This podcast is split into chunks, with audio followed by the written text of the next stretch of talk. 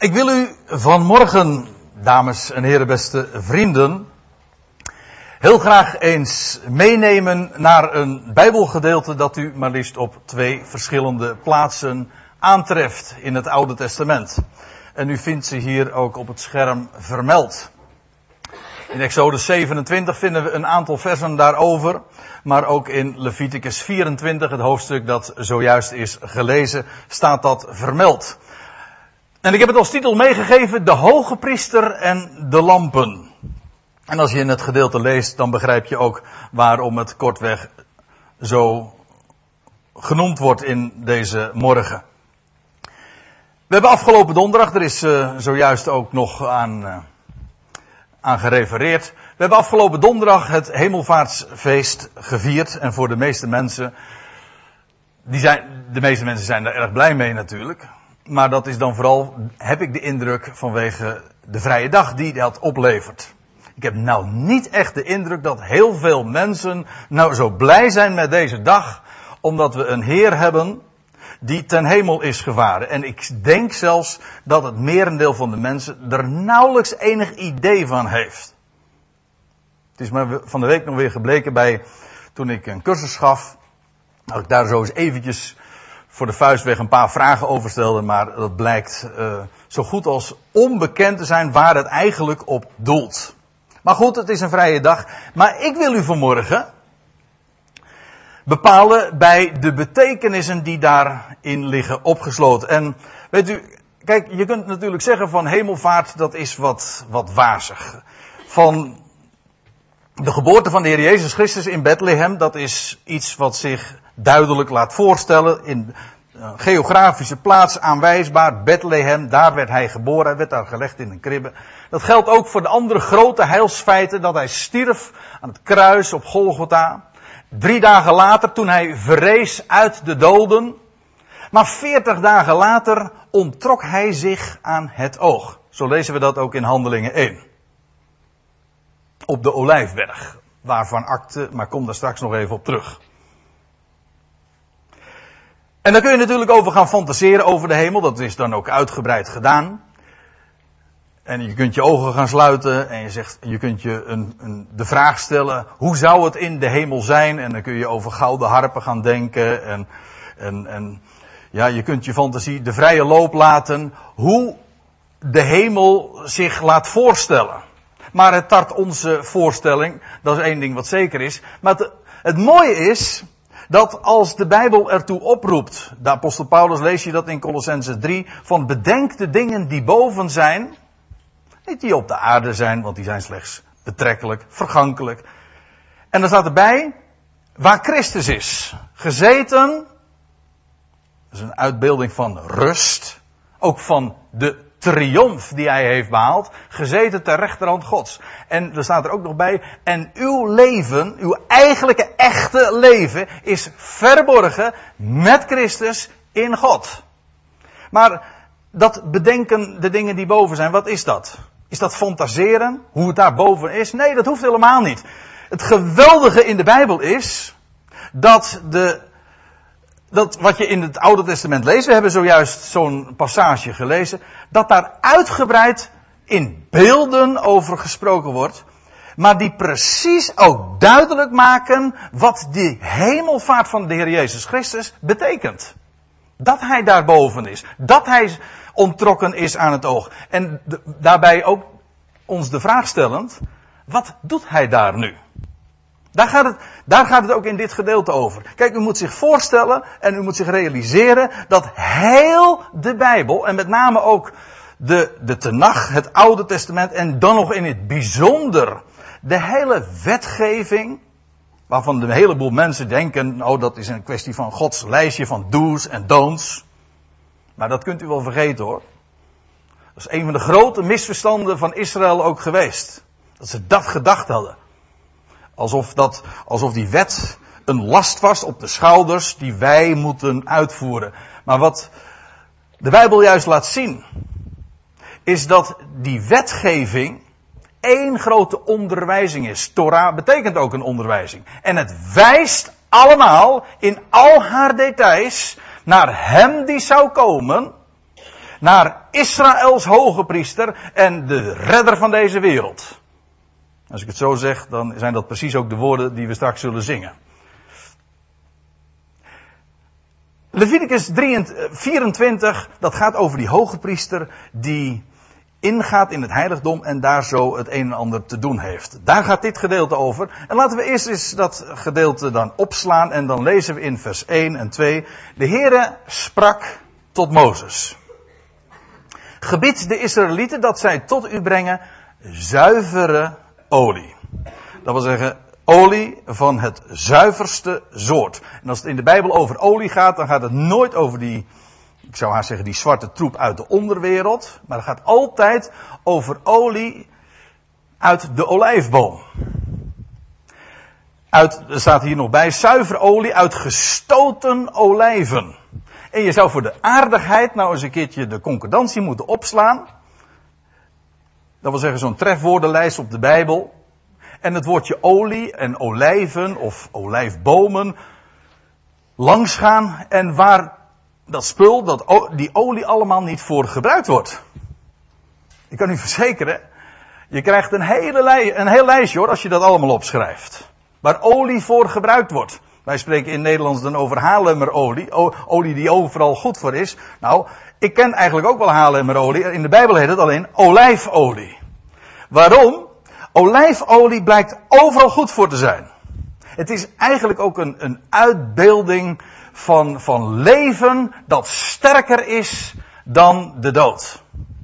Dat blijkt sowieso al omdat een, een olijfboom ook zo een van die uh, bomen is. Ik zeg een van die bomen, maar het is de enige boom die ik ken die zichzelf, zo heet dat in de biologie, zichzelf regenereert. Regeneratie betekent eigenlijk gewoon wedergeboorte. Een boom die de dood feitelijk overwint. Vandaar ook dat er olijfbomen zijn die duizenden jaren inmiddels al oud zijn. En als je ze nu omkapt, dan blijven ze gewoon leven. Hij overwint feitelijk de dood. Hoe dat in zijn werk gaat, dat gaat, daar gaat het nou even niet om. Maar daarmee, het is een olijfboom. Die boom, weet u wel, die de dood overwint. En als ik het zo zeg, dan weet je meteen waar, waar die boom al naar verwijst. En dat geldt trouwens ook van die olie. Mensen werden gezalfd bijvoorbeeld tot profeet, of tot priester, of tot koning. Vraag het maar aan Saul of aan David, daarvan lees je dat. Gezalfd werden ze met olie. Later wordt dat in het Nieuwe Testament ook uitgelegd en dan zegt men dat is een beeld van salving met de geest. Waarmee je dan ook meteen trouwens, tussen de zaakjes, weet waar olie een beeld van is. Namelijk van de geest. Van Gods geest. Andere mensen zeggen weer, ja nou, olie is een beeld van Gods woord. En nog weer anderen zijn er die zeggen van nou, olie is eigenlijk een uitbeelding van leven. Maar wij zijn vanmorgen niet moeilijk. Wij gooien dat allemaal op één hoop. En er is een hele goede reden voor, want dat doet de Bijbel namelijk ook. Je leest in Johannes 6, die moet u onthouden. Johannes 6, vers 63. Daar zegt de Heer Jezus, mijn woorden die ik tot u spreek, mijn woorden zijn geest en leven. Zie daar de betekenis van olijfolie in één zin samengevat. Het is die, die olijfolie, dat is het woord van Hem. Onze verrezen Heer, het woord van Hem. En dat is geest en leven. Maar geest en leven zijn feitelijk ook synoniem. Als je de geest ontvangt, ontvang je leven. En als je de geest geeft, dan geef je het leven weer, dan ga je dood. Niet waar? Geest is leven. Zodat het bij nader inzien een, die, die verschillen, of het nou woord is, of geest, of leven, het blijkt alles één te zijn. Het olijfolie spreekt inderdaad van het woord van God dat geest is en levend is. Dat wil zeggen leven met allemaal hoofdletters. Leven dat sterker is dan de dood. Vandaar ook die olijfbomen. Ja, en dan blijkt het ook nog geneeskracht te hebben. En degenen die in Marum geweest zijn afgelopen dagen, die hebben een uh, afgelopen donderdagavond een bijbelstudie kunnen horen over de barmhartige Samaritaan van broeder van der Wal. En ik was daar niet bij, maar hij zal het ongetwijfeld ook nog gehad hebben over, over die Samaritaan. Wat deed hij toen hij die man daar langs de kant van de weg vond? Hij balsemde zijn wonden. Met olie staat zingen we ook in een lied, hè? Hij balsemt de wonden en heelt alle smart. Dat is een prachtige beeldspraak, want ja, wat als je verwond bent? Wat balsemt dan werkelijk? Wat heelt je smart? Ongeacht welke smart dat ook is. En ja, dan kun je zeggen van ja, nou ja, ik, heb, eh, ik ben innerlijk verwond. Je moest eens weten, want zo vaak onttrekt zich dat aan het oog van andere mensen. Daar loop je ook niet zo mee te koop. De pijn die je van binnen kunt hebben. Om van alles kan dat zijn. Dat kan zijn vanwege je werk, dat kan zijn vanwege leed, pijnlijke situaties in de familie of in je huwelijk. Of dingen die je hebt meegemaakt. Nou ja, ik, ik kan nog wel even doorgaan. Verwond. En ja, wat moet je daar nou mee? Oh, dan, dan, dan zijn er mensen die meteen klaar zijn en zeggen van nou, dan moet je dit pilletje gebruiken. Of dan zeggen ze, dan moet je naar de psychotherapeut. En ik ga helemaal geen negatieve verhalen over, over deze, deze alternatieven of deze opties noemen. Maar ik wil u wel wijzen, en dat lijkt me een, een veel betere oplossing, de allerbeste oplossing. Namelijk die barmhartige Samaritaan. Hij balsemt de wonden. Dat wil zeggen, hij geeft, hij, hij geeft daar olie op. Hij gooit daar, hij, eh, ja, hij gooit er olie overheen. En hij doet het op zijn wijze. En dat heelt inderdaad de smart. Zijn woord, mensen, is zo krachtig, zo helend. En dat woord dat wijst je op wie hij is. En op het feit dat er niets bij hem onmogelijk is. Dat heelt. Zuiverolie. Nou, ik moet nu eventjes weer teruggaan, want er wordt hier gesproken dus over tot de Israëlieten. Zij moesten naar Mozes toekomen. En zij zouden zuivere olie bij hem inleveren uit gestoten olijven. Afijn. En dan lees je waar, voor welk doeleinde dat was, namelijk voor de kandelaar. Om voortdurend staat erbij een lamp te laten branden. Die kandelaar, die kennen we allemaal wel. Ik heb het plaatje expres er ook bij gezet. Dat, die kandelaar, dat is de menorah. Er wordt abusievelijk vaak de zevenarmige kandelaar genoemd, wat niet terecht is. Dat zal ik zal het u straks ook laten zien. Het is niet een zevenarmige, maar een zesarmige kandelaar.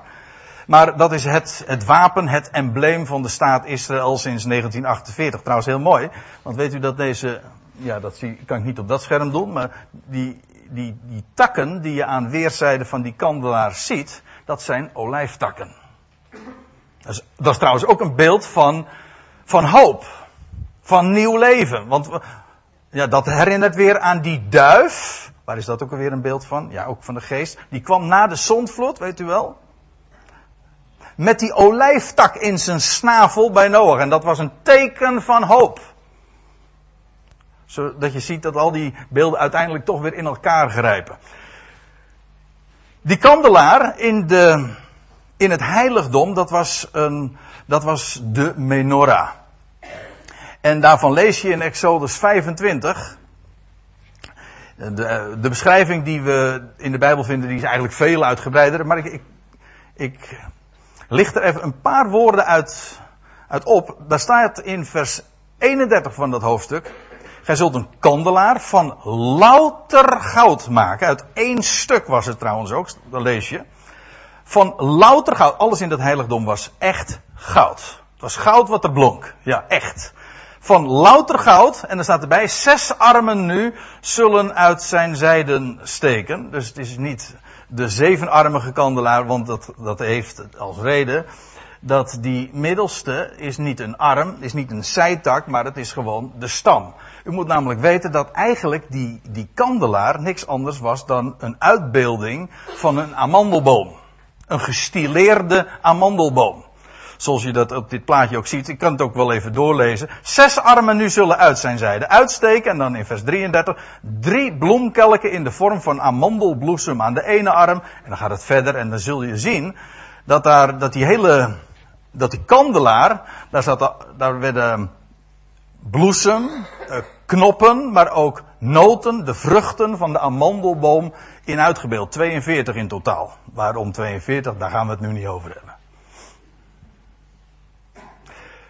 Het punt is, die, die, die menorah die daar in dat heiligdom stond, dat was eigenlijk gewoon een boom.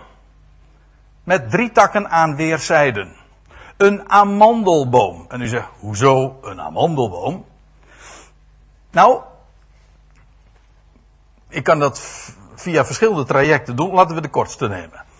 Uh, Jeremia 1.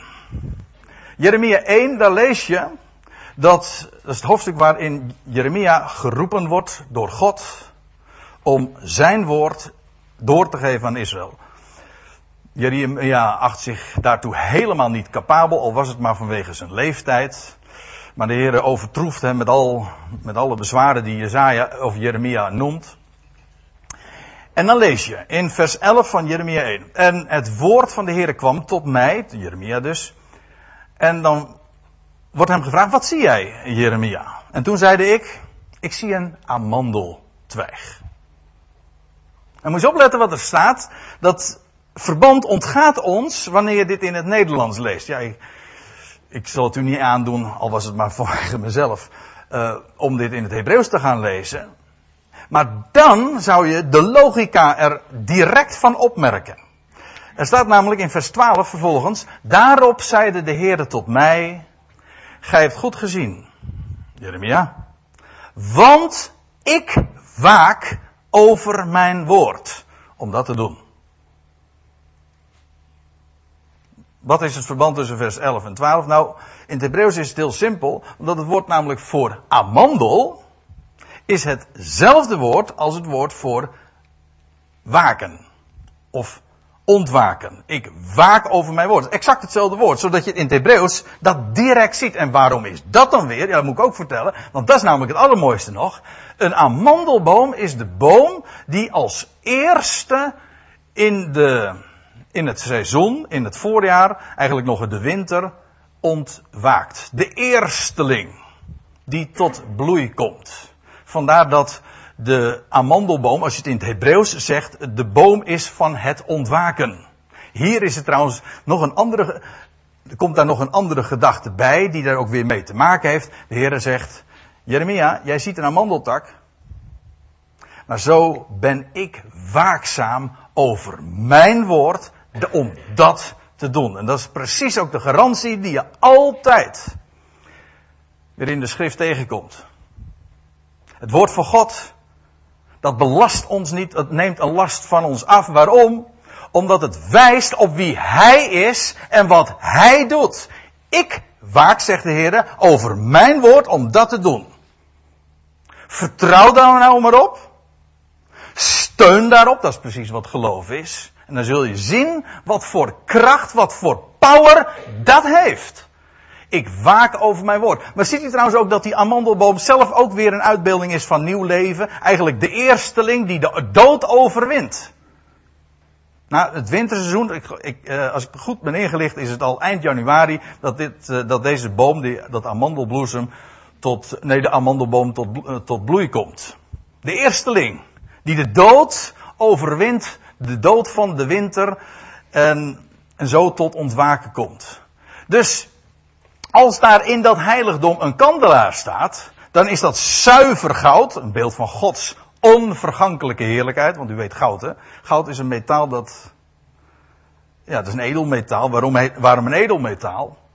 Het roest niet. Het laat zich niet verbinden met zuurstof. Het is onvergankelijk, daarom. En, en dat is waar. Het is een, een, een kandelaar van goud. Ja, maar het is eigenlijk ook een boom. Een embleem van nieuw leven, van ontwaken, van de overwinning op de dood als eersteling. En dat geeft licht in dat heiligdom. Dus als we nou eventjes doorlezen.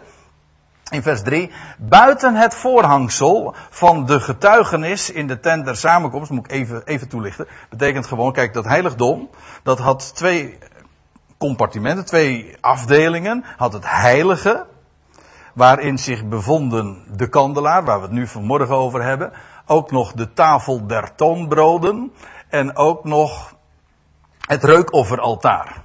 Als je dan vervolgens verder ging in dat heiligdom en nog een voorhangsel, een, dat zeggen een gordijn, passeerde, dan kwam je uiteindelijk in het heilige der heiligen en daar stond de ark van het verbond. En wat bevond zich in die ark van het verbond? De getuigenis, dat wil zeggen de woorden gods, de stenen tafelen.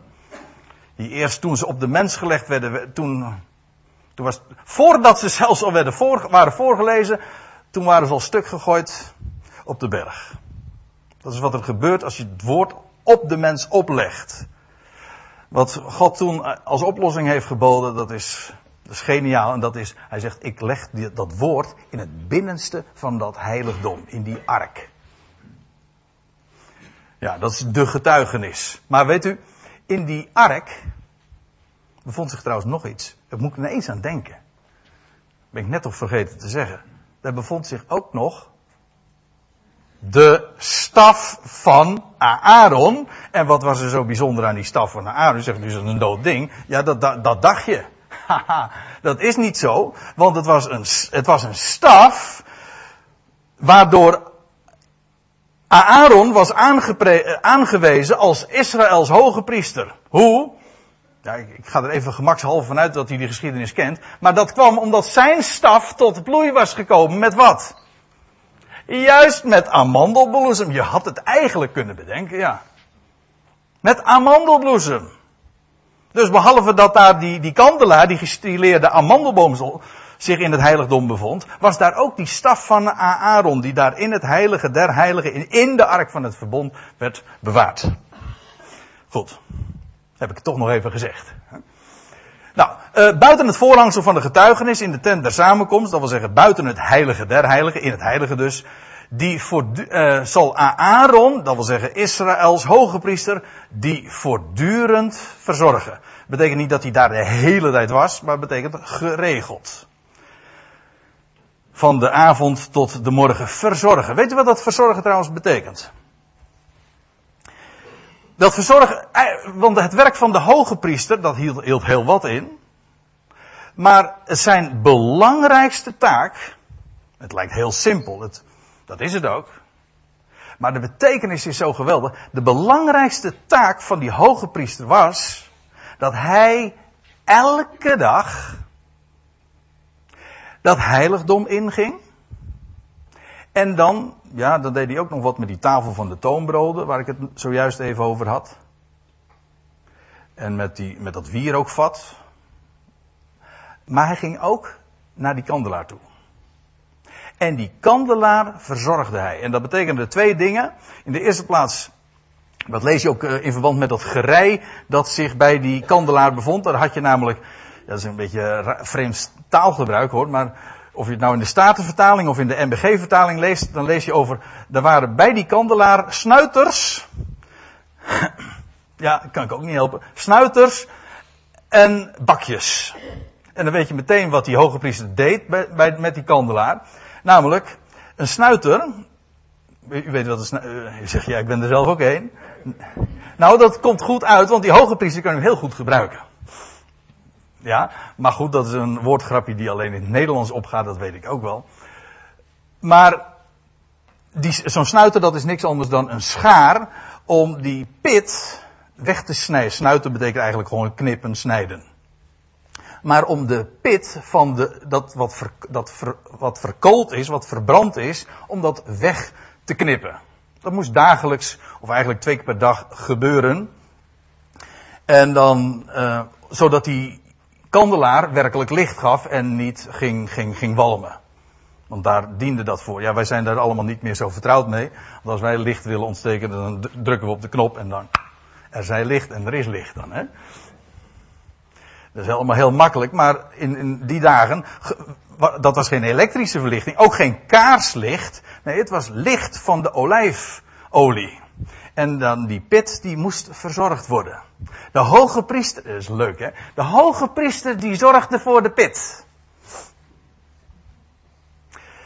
Ja, en dat niet alleen, want die moest ook dagelijks, dat wil zeggen die kandelaar, moest ook dagelijks worden bijgevuld met olie. Want daar ging het natuurlijk over in dit hoofdstuk. En weet u, die kandelaar, dat is niet zo moeilijk hoor. Israëls hoge priester ging het heiligdom in. Moet u even, even goed nadenken wat ik nu zeg. Want elke, elke zinsdeel heeft, heeft een dubbele bodem. Israëls hoge priester ging in het heiligdom. Ontrok zich daarmee aan hun oog. Israël kon hem niet zien. Niemand kon hem zien op aarde. Hij, hij ging in het heiligdom. En wat ging hij daar doen? Hij ging daar die kandelaar gereed maken. Hij was daar bezig om die kandelaar te reinigen. Dat wil zeggen dat wat niet meer bruikbaar was weg te knippen. De pit te verzorgen. Een mooi, mooi beeldspraak, hè? De pit te verzorgen, zodat die lamp uh, ja, weer kon branden. En vervolgens in dat bakje olie te gieten. Zuivere olijfolie. En als u zegt van ja, waar is dat nou een beeld van? Nou, dat is niet zo moeilijk. Israëls hoge priester, hij is ingegaan in het hemels heiligdom. En waar, waar bevindt hij zich nu? Nou, daar, daarboven, ontrokken aan het oog, achter het voorhangsel. Achter dat eerste voorhangsel. We kunnen hem niet zien. Maar weet u, hij doet daar heel belangrijk werk. Hij verzorgt de kandelaar, de lampen. En wie zijn die lampen vandaag? Dat is niet zo moeilijk. Dat zijn u en ik. Dat wil zeggen, als u een gelovige bent, als u ooit uw knieën hebt gebogen voor Hem en Hem van harte kent als Heer, dan bent u ook zo'n lamp. Dan hoort u bij die kandelaar. En die Israëls hoge priester, die zet zich vandaag in, in dat heiligdom, ontrokken aan het oog nogmaals. En wat doet hij? Hij verzorgt de lampen, zodat de gemeente gaat stralen. En als ik het zo zeg, ja, dan is het is misschien een beetje uit zijn context, maar het is weer hetzelfde woordgebruik. In Efeze 5 lees je dat de Heer, de Heer Jezus Christus zich vandaag overgeeft aan de Ecclesia, de gemeente, en er staat er, om haar te doen stralen. Nou, dat is precies wat hij vandaag doet. En hoe doet hij dat? Nou, gewoon door olie, olie in die lampen te gieten. En zorgen voor de pit. Ontbreekt het je aan pit? Hm? Ja, nee, niet Piet. Dat is weer wat anders. Daar wil ik u niet mee belasten. Ontbreekt het je aan pit? Ontbreekt het je, ontbreekt het je aan energie, aan kracht? Wil je stralen? Dat is maar één manier hoor. Dat kunnen mensen niet doen. Dat is geen mensenwerk. Om je werkelijk te vullen met zijn, om gevuld te zijn met echte vrede, vrede en met echte vreugde, dat is er maar één toe in, staat. En dat is Hij. Hij die de dood heeft overwonnen en die inderdaad vandaag ontrokken aan het oog in het hemels heiligdom is. En hij verzorgt de lampen en hij geeft en hij schenkt olie in. Zijn woord. Zijn woord dat geest en leven is. Automatisch moet ik denken aan aan die geschiedenis van de Emmausgangers. Dat waren die mensen die op weg waren, op de dag van de opstanding, die waren op weg naar Emmaus. En wat lees je? Dan, dan voegt zich een vreemdeling incognito bij hen. En dan, ja, nou eerst doen, doen zij hun woord, hun beklag, want dat is, dat is wat er uit de mens komt. Hè. Oh ja, we zijn zo teleurgesteld, dit en dat, het deugt allemaal niet. Nou ja, ze, gingen sowieso al de verkeerde kant op, naar Emmaus, uitgerekend op die dag. Nou, de gesprekken waren er ook naar. En dan komt die vreemdeling, van wie zij helemaal geen idee hadden wie het was. En die, wat doet hij? Hij zegt eerst nog, o onverstandige en trage van hart. Dat je niet gelooft. Alles wat de profeten hebben gesproken. Moest de Christus dit niet leiden? Om al zo in zijn heerlijkheid in te gaan. En dan lees je, ik citeer het even uit mijn hoofd. En uh, en te beginnen bij Mozes, bijvoorbeeld in Leviticus, ik weet niet wat hij allemaal genoemd heeft. Te beginnen bij Mozes heeft hij de schriften geopend en liet zien dat alles betrekking had op de Christus. En als die Emmausgangers dan later, want ze zijn, ze zijn omgekeerd. Als ze dan later terugkijken op dat gesprek en, daar, en daarover hebben, dan weet je wat ze dan zeggen? Was ons hart niet brandende in ons toen hij ons de schriften opende? Kijk, dat is wat, die, dat is wat hij, Israëls hoge priesters, vandaag doet. Hij laat onze harten branden door de schriften te openen. Alles ging op die dag trouwens open. Eerst ging het graf open. Toen gingen de schriften openen. Lees je trouwens ook nog in datzelfde gedeelte dat hun verstand ook nog geopend werd. Alles ging open. Hij heeft namelijk de sleutels ook nog eens een keer. Kortom, hij heeft alles. Hè? Over halen met olie gesproken. Ja, uh, welke vraag je ook stelt, maar hij is altijd het antwoord. Dat, in die zin is Bijbelstudie altijd weer heel simpel natuurlijk. Hij is het antwoord. En hij doet ons hart branden. Hij maakt ons vurig van geest. Hij geeft ons inderdaad pit. Hij zorgt er ook voor dat je. Kijk, want je kunt, je kunt natuurlijk niet branden op dat stukje pit van gisteren. Hè? Hebt u hem? Dat doen, denken mensen. Ze zeggen van nou ja, gisteren kon ik erop branden. Hè, op dat. Ja, maar het gaat erom. Het is een dagelijkse zaak. Het is niet zo van, ja, je bent ooit tot, je bent tot geloof gekomen, je bent tot erkenning van hem gekomen, je bent enthousiast. Waarom? Omdat dat woord je hart heeft bereikt. Ja, dat is geweldig, prijs hem. Maar wat doe je vandaag? Of wat doet hij vandaag? Laat je je ook werkelijk vullen met die olijfolie. Dat is dagelijkse kost. Dat je inderdaad je laat vullen met zijn woorden. Dat geest en leven is. Zodat hij je weer pit geeft. Dat je gaat branden. Dat je vurig van geest wordt. je, leest van manna uh, dat dat ook maar één dag goed was. Hè? Manna van gisteren was bedorven. Dat is iets wat je dagelijks tot je neemt. En die hoge priester die verzorgde die lamp, die kandelaar elke dag. En hij, er is olie genoeg. zuivere olie. En dat doet ons branden. De schriften gaan openen, gaan open. Maakt ons vurig van geest. Kortom, het geeft precies ons leven zin en inhoud. De buitenkant, nou ja, nou ja, weet u wat trouwens ook zo is? De buitenkant, dat is inderdaad maar heel betrekkelijk. Maar weet u waar het om gaat? Dat als je ogen verlicht worden, want dat is wat hij dus doet, hè? Hij, hij zorgt voor het licht. Hij verlicht ons. Hij laat ons branden, hij laat onze harten branden. Maar als je ogen verlicht worden, dat is niet alleen maar dat je zelf dingen gaat zien, maar ga je ook stralen. Automatisch. Dat is gewoon omdat je ogen in feite een, ook zelfs in de letterlijke zin, een reflector is. Kijk maar eens goed in de, in de, poppetjes van de ogen van de ander. Dan zie je jezelf. Het is gewoon een spiegel. Als je ogen licht zien, dan ga je stralen. Verlicht de ogen van het hart. Dat is wat hij doet. En hij zorgt daarvoor. En hij is vandaag in het hemels heiligdom. En waar zet hij zich momenteel voor in? Hij is inderdaad gezeten in triomf. Er rust. En onderwijl Laat Hij ons stralen. De schriften gaan open. En hij maakt ons zo vurig van geest. En dan lees je nog inderdaad in het laatste gedeelte van dat vers 3. Van de avond tot de morgen. Er is wat verschil van inzicht over.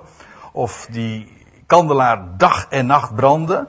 Als u het mij vraagt, mede op grond van wat er hier staat, is het branden alleen s'nachts. Van de avond tot de morgen. Maar goed, eh, de argumenten pro en contra, dat, dat laten we nu even lekker rusten. Het gaat er vooral om, als het, als het in de wereld, als het buiten nacht is, dan brandt het licht in het heiligdom. Schitterend type en beeld van de tegenwoordige tijd. In de wereld is het nacht, dat is waar. Maar geen nood, er brandt licht hoor. Van de zuiverste olie. Alleen dan moet je wezen in het, in het heiligdom. Daarboven. Daar is licht. En daar verzorgt hij ook het licht. En ik moet eraan denken wat je leest in, in Filippenzen 2 dat Paulus schrijft aan de Filippiërs dat we leven inderdaad in een donkere wereld, te midden van een verdraaid en een krom geslacht staat er. Waaronder gij schijnt als lichtende sterren. Het idee is, de wereld is duister, dat is waar. Dat hoef ik nou toch niet uit te gaan leggen. Dat het in de wereld donker is. Ja, wij zijn trouwens ook niet geroepen om, om de duisternis in deze wereld te verdrijven. Denken sommige mensen wel, de verbeterde wereld. Nee, dat is niet onze taak. Dat gebeurt ook niet. niet om de, weet u wanneer de, de duisternis verdreven gaat worden? Als er straks de zon opkomt. Als de nieuwe dag aanbreekt. Dan is de functie van die sterren trouwens ook verdwenen. Dan zie je, die staan er dan nog wel, maar die zie je dan niet meer. We schijnen als lichtende sterren in een donkere wereld. En zo mogen we dat licht van Hem. Er staat trouwens nog bij in Filippenzen 2 wat dat licht is. Het is namelijk het woord des levens. Maar daar hadden we het toch al over. Het levende woord. Maar ook het woord van het leven. Zo mogen we stralen. Dat is niet ons voorbeeldig gedrag of omdat mensen zeggen, oh wat, wat zijn die mensen toch goed. Nee, het gaat erom dat we, we zijn niet beter. Maar u wat het grote verschil is tussen, tussen als je werkelijk gevuld wordt met die olie van hem, van Israëls hoge priester, als je gevuld wordt met de olie van hem, dan heb je hoop. En dan kun je leven. Dan ga je stralen, dan heb je verlichte ogen. En dat is precies waar in deze wereld zo enorm gebrek aan is. Aan licht, aan werkelijk hoop, aan kracht. Waardoor je ook werkelijk in staat bent om dit leven aan te kunnen. Lichtende sterren, zo mogen we zijn. En hij zorgt daarvoor. Ja. Nou wil ik u tenslotte nog even naar één Bijbelgedeelte meenemen. Wat er in eerste instantie lijkt het misschien dat het er weinig mee te maken heeft, maar ik wil er toch even op wijzen, want het heeft er namelijk wel degelijk heel veel mee te maken. Want als die hoge priester dan in dat heiligdom is, dan wordt hij niet gezien. Ik zei al, dat is de actuele situatie in onze dagen. Hij wordt niet gezien. De mensen zeggen daarom ook van, eh, dat wij hier een stelletje gekken zijn natuurlijk. Hè? Wij zitten een beetje enthousiast te wezen over iemand die we nog never nooit gezien hebben. Dan moet je toch echt een beetje getikt voor zezen. Nou ja, dat willen wij graag zijn. Hm? Tenminste, ik heb er geen moeite mee hoor. Nou goed, uh, maar hij wordt, die hoge priester wordt niet gezien. Afijn. Maar, ik moet er iets bij zeggen. Die hoge priester, die, ja, die had een prachtig gewaad. Dat is een geweldig onderwerp hoe, hoe die hoge priester gekleed was. Daar gaan we het nu niet over hebben, maar over, op één detail wil ik wel wijzen. Want die hoge priester liet zich niet zien, maar hij liet zich wel horen als hij daar in het heiligdom was. En bijvoorbeeld die kandelaar verzorgde. Ja, hij liet zich wel horen. Staat er in vers 33 van Exodus 28. En gij zult op zijn, en dan gaat het over, de hoge, over het gewaad van de hoge priester. Gij zult op zijn zomen, dus de onderkant van zijn kleed, granaat. Heb je weer een vrucht zeg. Nou wil u dat ook natuurlijk weten. Waar gaan we het niet over hebben? Die granaatappels. In, uh, gij zult uh, op zijn zomen granaatappels in hemelsblauw, in purper en scharlaken. Ja, ik, ik zit nu te, ter plekke te aarzelen, zal ik daar wat over zeggen. Maar hemelsblauw, hè? past bij jou. Was die niet zo? Nou ja. Uh, hemel, hemelsblauw. Hè? En dan heb je scharlaken, dat is rood, dat is de kleur van de aarde. Dan heb je ook nog dat wat er tussenin ligt. Hè? Purper, dat is gewoon paars, purple. Dat is een mengeling van rood en blauw is een beeld van de middelaar. Hij die hemel en aarde verenigt. Daar spreken die kleuren van. Alle zeven kleuren trouwens. Licht. Die kandelaar, dat waren, dat waren zeven lichten, maar licht heeft ook alles te maken met de zeven kleuren. Nou, goed.